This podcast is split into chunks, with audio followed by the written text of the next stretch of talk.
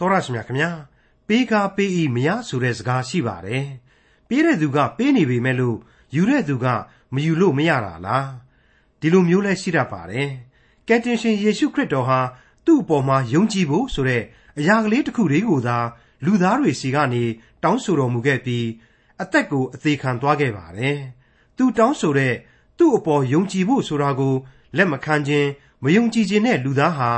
သူပေးမဲ့ ကယ်တင်ခြင်းဆိုတာကိုလည်းဘယ်လို့မှမရနိုင်ပါဘူးပေးကားပေးမရဆိုတာမျိုးများ ဖြစ်နေလေရောသလားဒါဆိုရင်တေးရင်ငရဲကိုမလာပဲကောင်းကင်ဘုံကိုရောက်ရှိစေမဲ့ကယ်တင်ခြင်းနဲ့ဝေးရပြီပေါ့ကယ်တင်ခြင်းနဲ့ဝေးယုံပဲလားဆိုတော့ဒီနေရာမှာလမ်းမဆုံးသေးပါဘူးသူ့အပေါ်မယုံကြည်သူ ပုံကံရံပြုတ်သူတို့အတွက်အပြစ်တရားကိုစီရင်ထားပါတယ်တရားပါသလားအဖြေကိုတော့ဒီကနေ့သင်သိရသောတမန်ကျမ်းအစီအစဉ်မှာလေ့လာမှာဖြစ်တဲ့ ခရိယန်တမန်ကျမ်းဓမ္မဟောင်းကျမ်းပိုင်းတွေက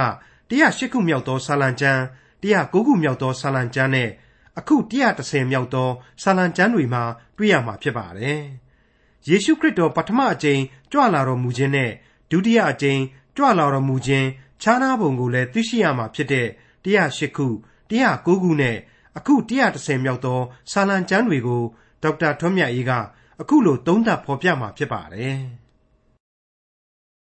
သင်သိရသောသမာကျမ်းရဲ့မိတ်ဆွေတော်တတ်ရှင်အပေါင်းတို့ခမညာဒီကနေ့အဖို့မှာကတော့108ခုမြောက်သောဆာလံတည်ခြင်းဖြစ်ပါတယ်ဒီဆာလံဟာ58ခုမြောက်သောဆာလံနဲ့တဝက်လောက်တူညီမှုရှိပြီးတော့နှောင်းပိုင်းမှာ60ခုမြောက်သောဆာလံနဲ့ဆက်လက်ပြီးတူညီမှုရှိတာကိုတွေ့ရတဲ့အတွက်ကြောင့်တချို့တချို့သောပုဂ္ဂိုလ်တွေကအပိုစာရထည့်သွင်းထားသလားဆိုပြီးတော့တွေးတောကြပါတယ်အမှန်တော့အရှင်းမဟုတ်ပါဘူး58ခုမြောက်သောဆာလံနဲ့60ခုမြောက်သောဆာလံတွေသာမကသေးပဲနဲ့ အခြားသောဆာလံများမှာပါပါဝင်တဲ့အချက်တွေပါအခု108ခုမြောက်သောဆာလံထဲမှာရောပြွန်းပြီးတော့ဘုရားသခင်ထည့်သွင်းထားသောဆာလံဖြစ်တယ်လို့ကျွန်တော်ဆိုချင်ပါတယ်။တနည်းအားဖြင့်ဘုရားသခင်ကတမင်သိစေခြင်းတဲ့အတွက်ကြောင့်ထည့်သွင်းထားသောအရေးကြီးသောဆာလံတစ်ခုပါ။ဘုရားသခင်ဟာဒီဆာလံအားဖြင့်သူအထူးပြုကျင်တာတွေရှိတယ်။ကျွန်တော်တို့သိစေခြင်းတာတွေရှိတယ် ဒါတွေကိုတခြားဆာလံဒီမှာအ ਨੇ အချင်းဖော်ပြခဲ့တာတွေကိုတပေါင်းတစည်းတဲ့ဒီဆာလံအဖြစ်ထပ်မံဖော်ပြလိုက်တာပဲလို့ကျွန်တော်ဆိုချင်ပါတယ်108ခုမြောက်သောဆာလံအငယ်1မှ3အိုဖျားသခင်အကျွန်ုပ်နှလုံးသည်တည်ကြည်ပါ၏တည်ခြင်းဆိုပါမည်ဝိညာဉ်ပါလျက်ချီးမွမ်းထောမနာပြုပါမည်တယောနှင့်စောင်းတို့နိုးကြလောငါလဲစောစောနိုးမည်အိုထာဝရဖျား ပရိသတ်အလယ်၌ကိုတော်ကိုချီးမွမ်းပါမည်လူမျိုးတို့တွင် ကိုတော်အားထောမနာတည်ခြင်းဆိုပါမည်ပြီးခဲ့တဲ့ဆာလံသင်ခန်းစာတွေမှာကြားဘူးခဲ့ပြီးတဲ့အတိုင်းပါပဲကဘာအရရမှာပြန့်နှံ့နေတဲ့လူမျိုးတော်ကိုဘုရားသခင်ဟာပြန်လဲစုယုံပြီးတကလားဣသရေလနိုင်ငံစီကိုပို့ဆောင်ပေးလိမ့်မယ်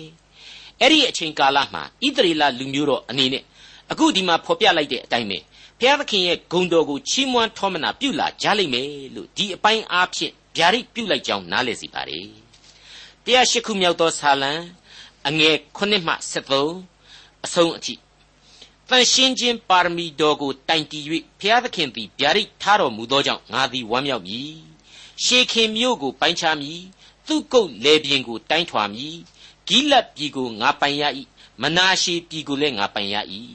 အေဖရိမ်ပြည်ကငါဥကောင်း၏အစွန်ဖြစ်ရ၏ယုဒပြည်ကငါ၏လွတ်တော်ဖြစ်ရ၏ မောဘပြည်ကငါရေချိုးအိုးဖြစ်ရ၏အေဒုံပြည်ကငါခြေနှင်းရာဖြစ်ရ၏ဖိလိတိပြည်အပေါ်မှာအောင်သံနှင့်ကြွေးကြော်မည်အာကြီးသောမြို့ထဲသို့ငါကိုအဘယ်သူသွင်းပေးမည်နည်းအေဒုံပြည်သို့ငါကိုအဘယ်သူလမ်းပြမည်နည်းအိုးဖျားသခင်အကျွန်ုပ်တို့ကိုစွန့်ပစ်တော်မူသောကိုတော်သည် ပြုတော်မူမည်မဟုတ်လောအိုဖျားသခင် အကျွန်ုပ်တို့ဗိုလ်ကြီးနှင့်အတူကြွတော်မူသောကိုတော်သည် ပြုတော်မူမည်မဟုတ်လောဒုက္ခနှင့်ကင်းလွတ်စေခြင်းငှာမဆတော်မူပါလူတို့သည်ကယ်တင်ခြင်းငှာမတတ်နိုင်ကြပါဘုရားသခင်အားဖြင့်ငါတို့သည်ရဲရင်စွာပြုကြမည်ငါတို့၏ရန်သူများကိုကိုတော်တိုင်နင်းတော်မူမည်မိษွေတော်တတ်ရှင်အပေါင်းတို့ခမညာထွမြောက်ရာကျမ်းကိုကျွန်တော်တို့သေချာလေ့လာကြည့်မယ်ဆိုရင်အဲ့ဒီကျမ်းအရာလူမျိုးတော်ဣသရေလတို့အတွက်ဣသရေလနိုင်ငံမှာ နေရာတွေကိုလူမျိုးစုများအလိုက်ခွဲဝေပေးခဲ့တယ်ဆိုတာကိုတွေ့မြင်ရပါတယ်အဲ့ဒီအချိန်တုန်းကမကြေနပ်ကြတာတွေထော်လော်ကန့်လန့်လုပ်တာတွေဂရိတော်ကိုစောင်းရွှေရွှေလုပ်ပြီးတော့မြစ်ကိုကူးပါဆိုတဲ့အတိုင်းမကူးဘဲနဲ့ကန့်လန့်တိုက်ပြီးတော့နေရာရယူခဲ့တာမျိုးတွေရှိခဲ့ကြပါတယ်အခုဆာလံတီချင်းကဖော်ပြထားတာကတော့ခရစ်တော်ရဲ့နိုင်ငံတော်တည်ထောင်ခြင်းကာလမှာဣသရေလလူမျိုးတော်အဖို့အတိတ်ကာလလိုမဟုတ်တော့ဘဲနဲ့အမွေခံရအရက်ကိုအလိုတော်နဲ့အညီ ပြန်လဲဝင်ရောက်ကြရမှာဖြစ်တဲ့အကြောင်းထင်ရှားစွာပေါ်လွင်နေတယ်လို့ကျွန်တော်ယူဆပါတယ်အခုဆက်လက်ပြီးတော့106ခုမြောက်သောဆာလံကိုကျွန်တော်လေ့လာသွားပါမယ်ကယ်တင်ရှင်မေရှိယဖြစ်တော်မူတဲ့သခင်ခရစ်တော်ဆိုင်ရာဆာလံတည်ခြင်းဖြစ်တယ်ခရစ်တော်ရဲ့အသက်တာမှာလူစားတိအလျောက်ခံစားရတဲ့နှိမ်ချစွာခံစားရခြင်းဝေဒနာတွေအကြောင်းကိုကျွန်တော်မြင်တွေ့ရအောင်ဖော်ပြသွားပါလိမ့်မယ်တစ်ချိန်တည်းမှာကယ်တင်ရှင်သခင်ခရစ်တော်အပေါ်မှာတစ္ဆာဖောက်ပြီးတော့ ငွေ30နဲ့ရောင်းစားခဲ့သူယူရရှကာယုတ်ရဲ့အကြောင်းတွေကိုပါဒီဆာလံတီချင်းဟာကြိုတင်ဗျာဒိတ်ပြုတ်သွားလိမ့်မယ်လို့ကျွန်တော်ဆိုချင်ပါတယ်ဒီဆာလံကိုအဲ့ဒါကြောင့်ပဲတချို့ကတော့ယူရရှကာယုတ်ကိုရည်စူးတဲ့ဆာလံဆိုပြီးတော့လည်းအမည်ပေးကြပါတယ်ရှုထောင့်အမျိုးမျိုးနဲ့ခံယူချက်အမျိုးမျိုးနဲ့နာမည်တွေပေးကြခြင်းပဲပေါ့ဘာပဲဖြစ်ဖြစ်ပါဒီကျမ်းကဖော်ပြတဲ့ဗျာဒိတ်တော်တွေဟာအသက်ဝင်ပြည့်စုံခဲ့ရပြီဆိုတာကိုတော့ညင်းနိုင်လိမ့်မယ်မဟုတ်ပါဘူး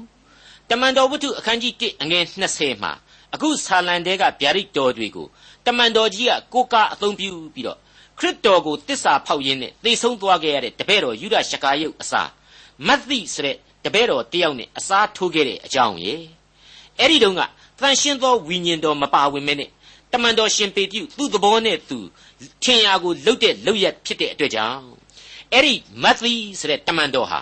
နှောင်းပိုင်းဓမ္မသမိုင်းမှာလုံးဝနေရမရဘူး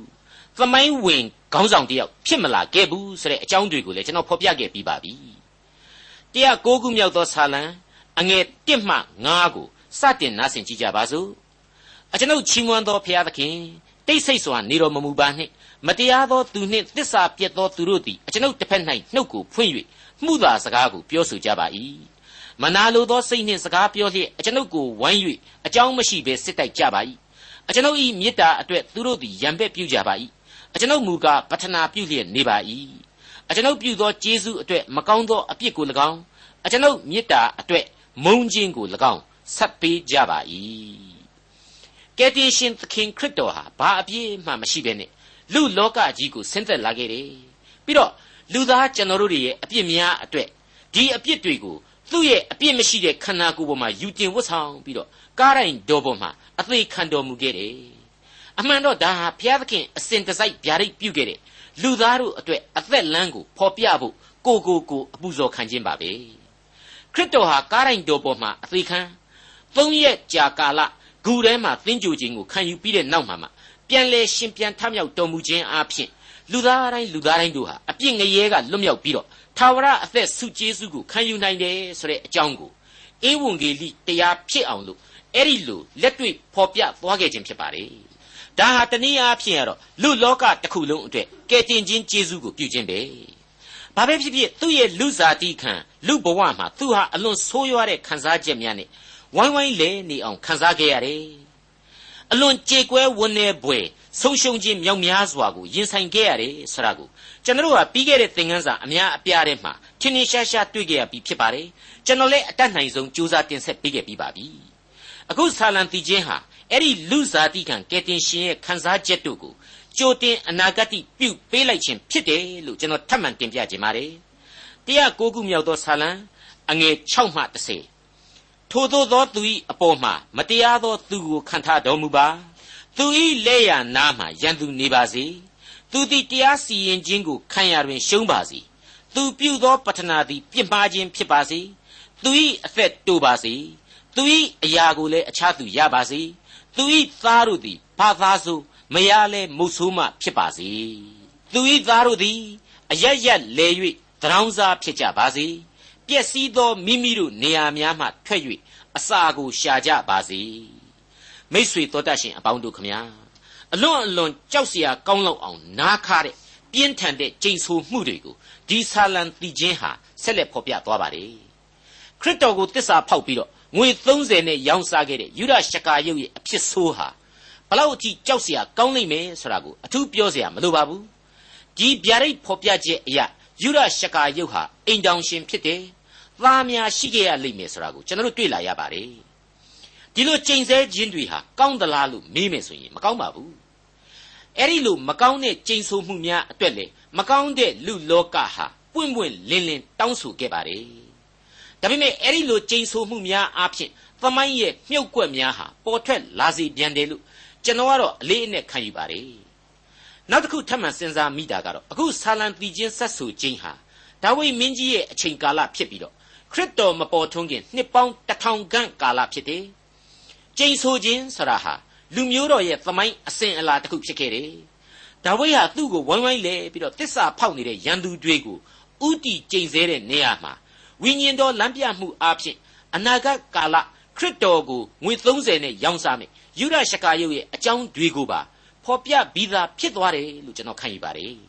ဒါကြောင့်မလို့အချို့အစိတ်အပိုင်းတို့ဟာဒါဝိရဲ့ပြစ်စက်ခသမိုင်းကြောင်းအခြေအနေကိုဖော်ပြတယ်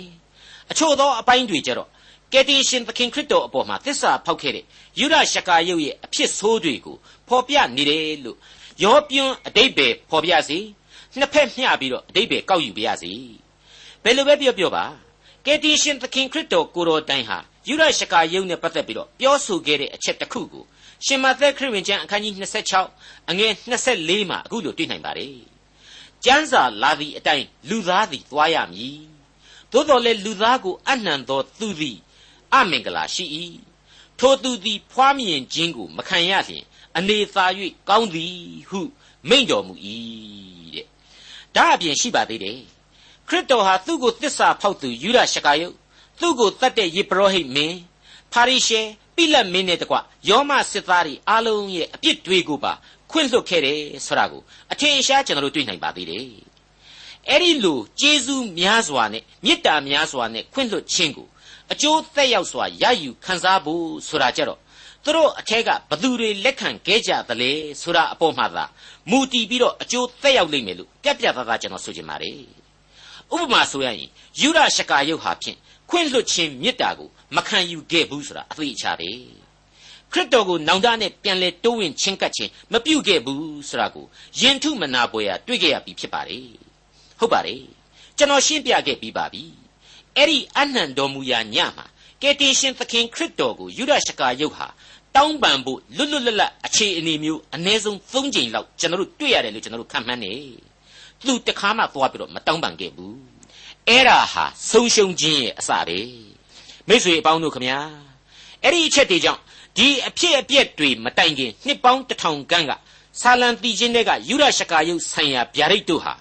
ယူရရှကာယုတ်ကိုယ်တိုင်ရဲ့အပြစ်တရားနဲ့မိုက်မဲခြင်းများကြောင့်သာလျှင်ပြည့်စုံသွားရခြင်းပဲဖြစ်တယ်လို့ကျွန်တော်တင်ပြလိုက်ပါတယ်မိษွေတော်တတ်ရှင်အပေါင်းတို့ခမညာအခုဆာလံတီချင်းတွေကကယ်တင်ရှင်ရဲ့လူစားတိအချိန်ကာလမှာပဝန်းကျင်ရဲ့နှိမ့်ချခြင်းခံယူရတာ ड़ी ရဲဆက်ဖိနှိပ်ခြင်းခံရတာတွေအပယ်ခံရတာတွေသစ္စာဖောက်တဲ့လူကသစ္စာဖောက်တာတွေနဲ့ပတ်သက်ပြီးတော့ဖော်ပြသွားတဲ့ဗျာဒိတ်တော်အပေါင်းတို့ဟာ တာမန်အားဖြင့်ဆိုရင်ရှုပ်ထွေးနေတယ်လို့ခံစားရလိမ့်မယ်လို့ကျွန်တော်ဆိုချင်ပါတယ်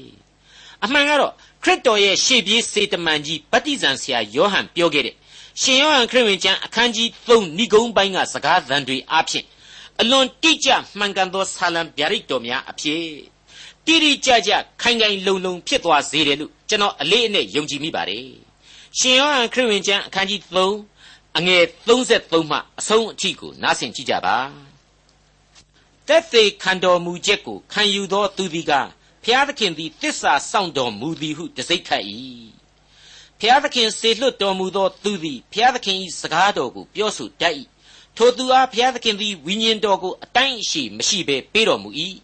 ခမည်းတော်သည်သားတော်ကိုချစ်တော်မူ၍ခတ်သိမ်းသောအရာတို့ကိုသားတော်လက်သို့အပ်ပေးတော်မူပြီးသားတော်ကိုယုံကြည်သောသူသည်သာဝရအသက်ကိုရ၏ သားတော်ကိုပယ်သောသူမူကားအသက်ကိုမတွေ့ရထိုသူ၏အပေါ်၌ဖျားသခင်၏အမျက်တော်တည်နေသည်ဟုယောဟန်ဟောလေ၏မိတ်ဆွေအပေါင်းတို့ခမညာအဲ့ဒီလိုခရစ်တော်ကိုဆန့်ကျင်ခြင်းနဲ့လက်မခံခြင်းရဲ့ကြောက်မဲ့ဖွယ်ဆုံးရှုံးခြင်းကိုခရစ်တော်ဟာအရှင်းမနှစ်ချိုက်နိုင်ပါဘူးဒါကြောင့်လဲသူဟာကိုယ်တိုင်အခုလိုမွတ်ဆိုခဲ့ပါသေးတယ်ငါသည်လမ်းခရီးဖြစ်၏သမာတရားလည်းဖြစ်၏အသက်လည်းဖြစ်၏ ငါကိုအမိမပြုတ်လျင်အဘယ်သူမျှခမည်းတော်ထံသို့မရောက်ရအဲ့ဒီလိုဖြစ်ပါလေရှင်ယောဟန်ခရစ်ဝင်ကျမ်းအခန်းကြီး14အငယ်6မှာထင်ထင်ရှားရှားကြီးတွေ့ရတဲ့အချက်ပါသူပိုင်ဆိုင်တဲ့လူသားသူပေးတဲ့ဇီဝအသက်နဲ့ရှင်သန်ရပြီးတော့သူဖန်ဆင်းတဲ့ကာလမှာလောကမှာအသက်ရှင်ရတဲ့လူသားတို့စီကယုံကြည်ခြင်းလေးတစ်ခုကိုသာသူတောင်းဆိုထားပြီးတော့ထာဝရအသက်ကိုပေးခဲ့တဲ့သခင်ဟာ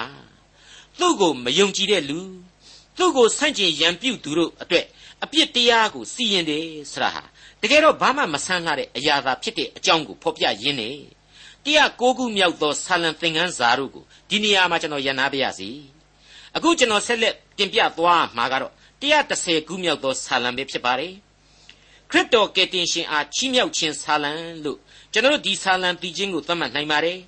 အလွန်ထင်ရှားပြတ်သားတဲ့ Messianic Psalm ခေါ်ခရစ်တော်အကြောင်းကို ကြိုတင်ဗျာဒိတ်ပြုတဲ့ဆာလံပဲဖြစ်ပါတယ်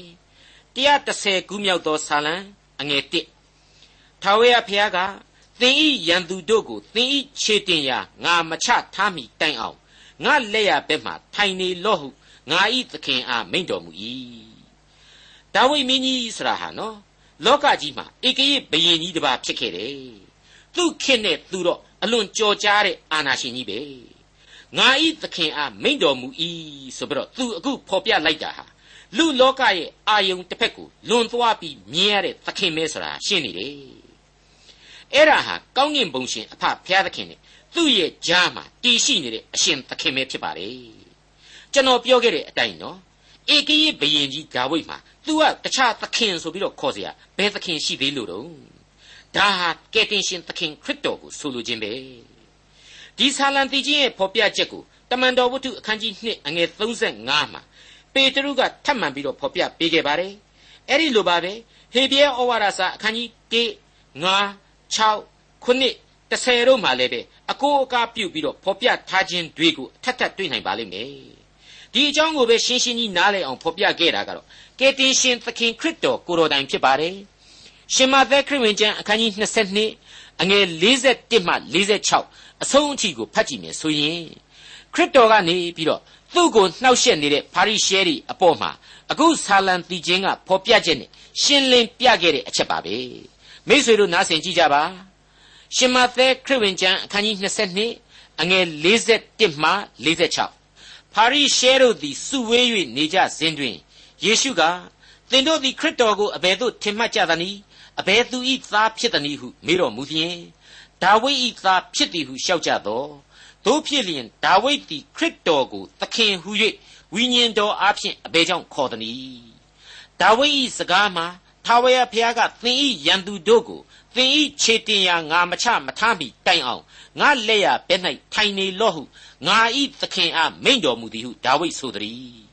ထို့သောဒါဝိဒ်သည်ခရစ်တော်ကိုသခင်ဟုခေါ်လျင်အဘယ်သို့သူဤသားဖြစ်နိုင်သနည်းဟုမေးတော်မူသည်ရှိသော အဘယ်သူမျှစကားတခွန်းကိုမျှပြန်လျှောက်ခြင်းဟာမတတ်နိုင်ကြထိုနေ့မှစ၍နောက်တဖန်အဘယ်သူမျှမမေးမလျှောက်ဝွင့်ကြ130ခုမြောက်သောဆာလံအငယ်နှစ်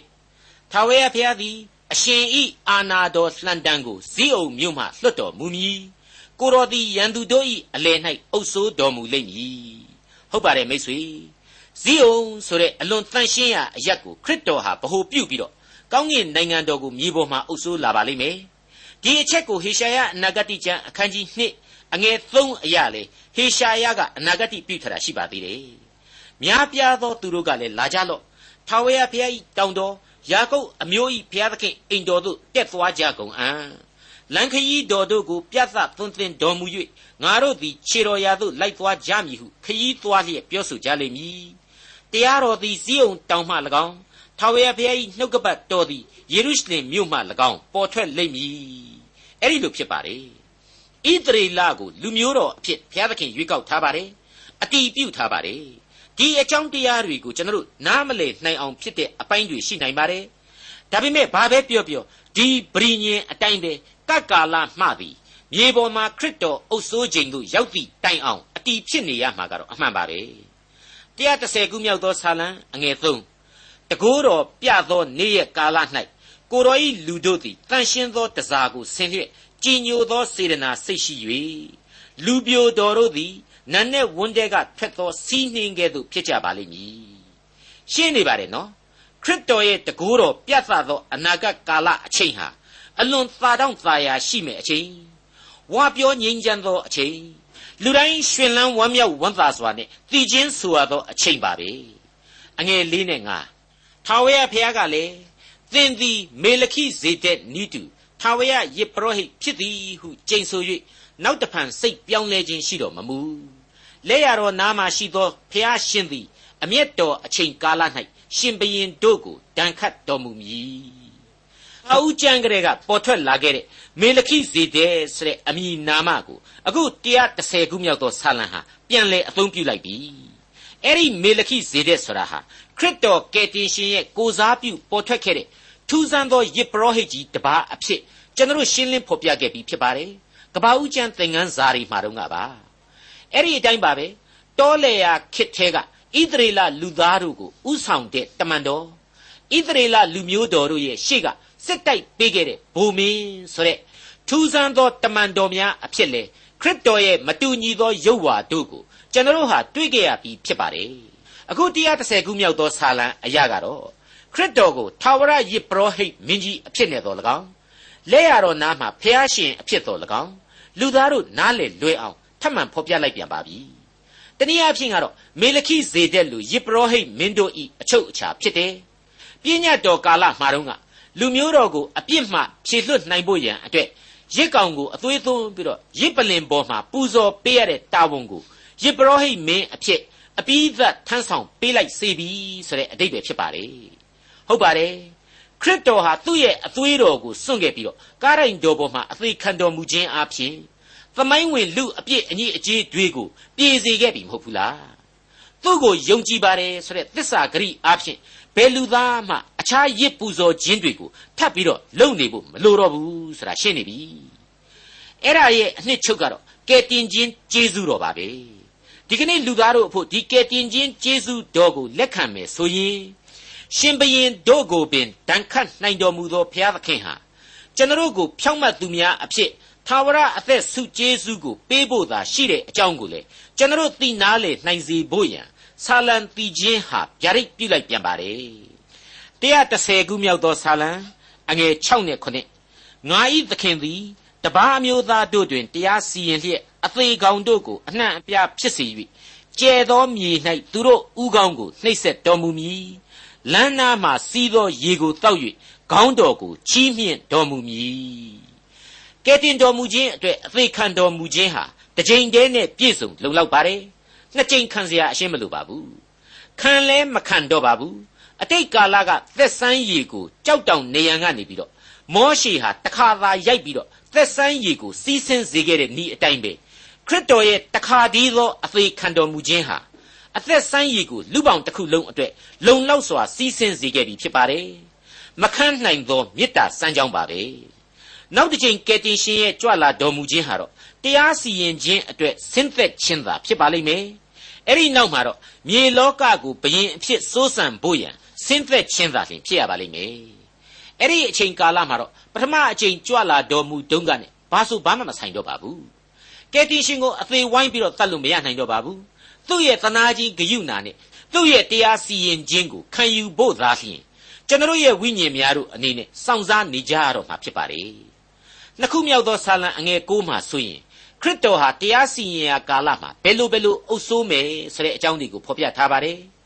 သင်သည်သူတို့ကိုတန်လှန်တန်နှင့်အုပ်ဆိုး၍မြေအိုးကိုခွဲဖြက်တကဲ့သို့ခွဲဖြက်လိမ့်မည်တဲ့ဟုတ်ပါတယ် ကယ်တင်ရှင်ရဲ့အဲ့ဒီဘုံတကုအာနုဘော်တော်အားဖြင့်မြေအိုးဆိုတဲ့ဇာတိပဂရိလူသားတွေအကုန်လုံးရင်ကွဲကုန်တော့မှဝိညာဉ်များလွတ်လပ်ခွင့်ရကြရမယ်ဆိုတာကိုတင်စားဖော်ပြလိုက်ခြင်းဖြစ်ပါတယ်တနည်းအားဖြင့်ဝိညာဉ်များချမ်းသာရာရနိုင်ဖို့ရန်သင်ဟာစာရမဏတ်ကိုခြေမှုန့်ပြည့်ရမယ်ဇာတိပဂရိတို့ကိုချိုးဖောက်ပြည့်ရမယ်ဆိုတဲ့သဘောကိုလည်းဆောင်းနေပါတယ်လမ်းနာမှာစီးသောရေကိုတောက်ရမယ်အဲ့ဒီလိုတောက်ပြီးတဲ့နောက် ခေါင်းတော်ကိုချီးမြှင့်တော်မူမည်ဆရာဟာအလွန်လေးနက်တဲ့ဝိညာဉ်ရေးအတိတ်ပဲကိုဆောင်ကျဉ်ထားပါတယ်တရားသူကြီးခေတ်မှာဘုရားသခင်ဟာဂိတောင်ဆိုတဲ့ဗိုလ်ချုပ်ကိုမိဒရန်ရန်သူတက်ကြီးတဲ့အထိဝင်တိုက်ဖို့အတွက်လူရွေးစေတဲ့နေရာမှာ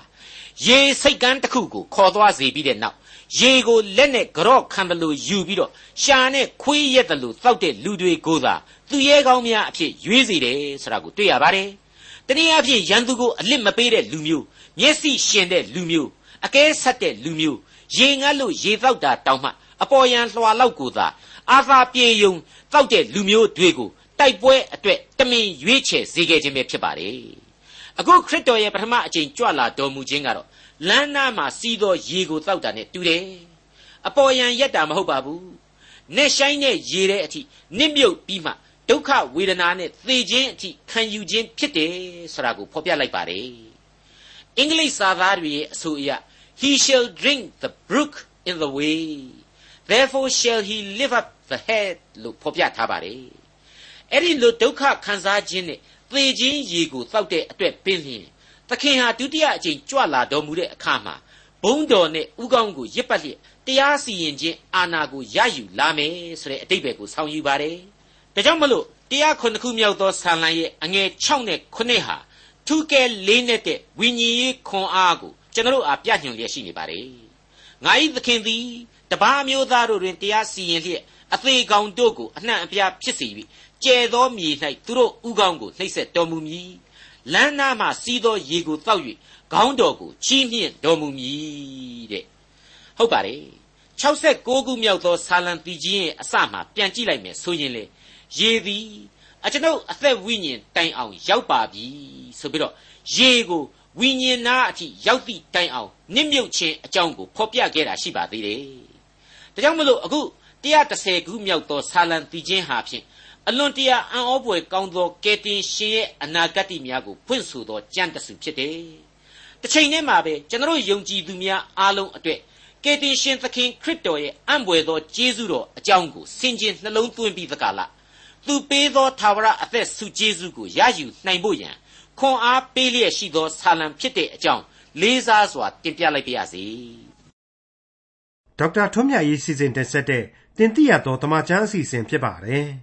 နောက်တစ်ချိန်အစီအစဉ်မှာခရိယန်တမချန်းဓမ္မောင်းကျမ်းပိုင်းမှာပါရှိတဲ့131ခု132ခုနဲ့133ခုမြောက်သောစာလံကျမ်းတွေကိုလေ့လာမှာဖြစ်တဲ့အတွက်စောင့်မျှော်နားဆင်နိုင်ပါတယ်။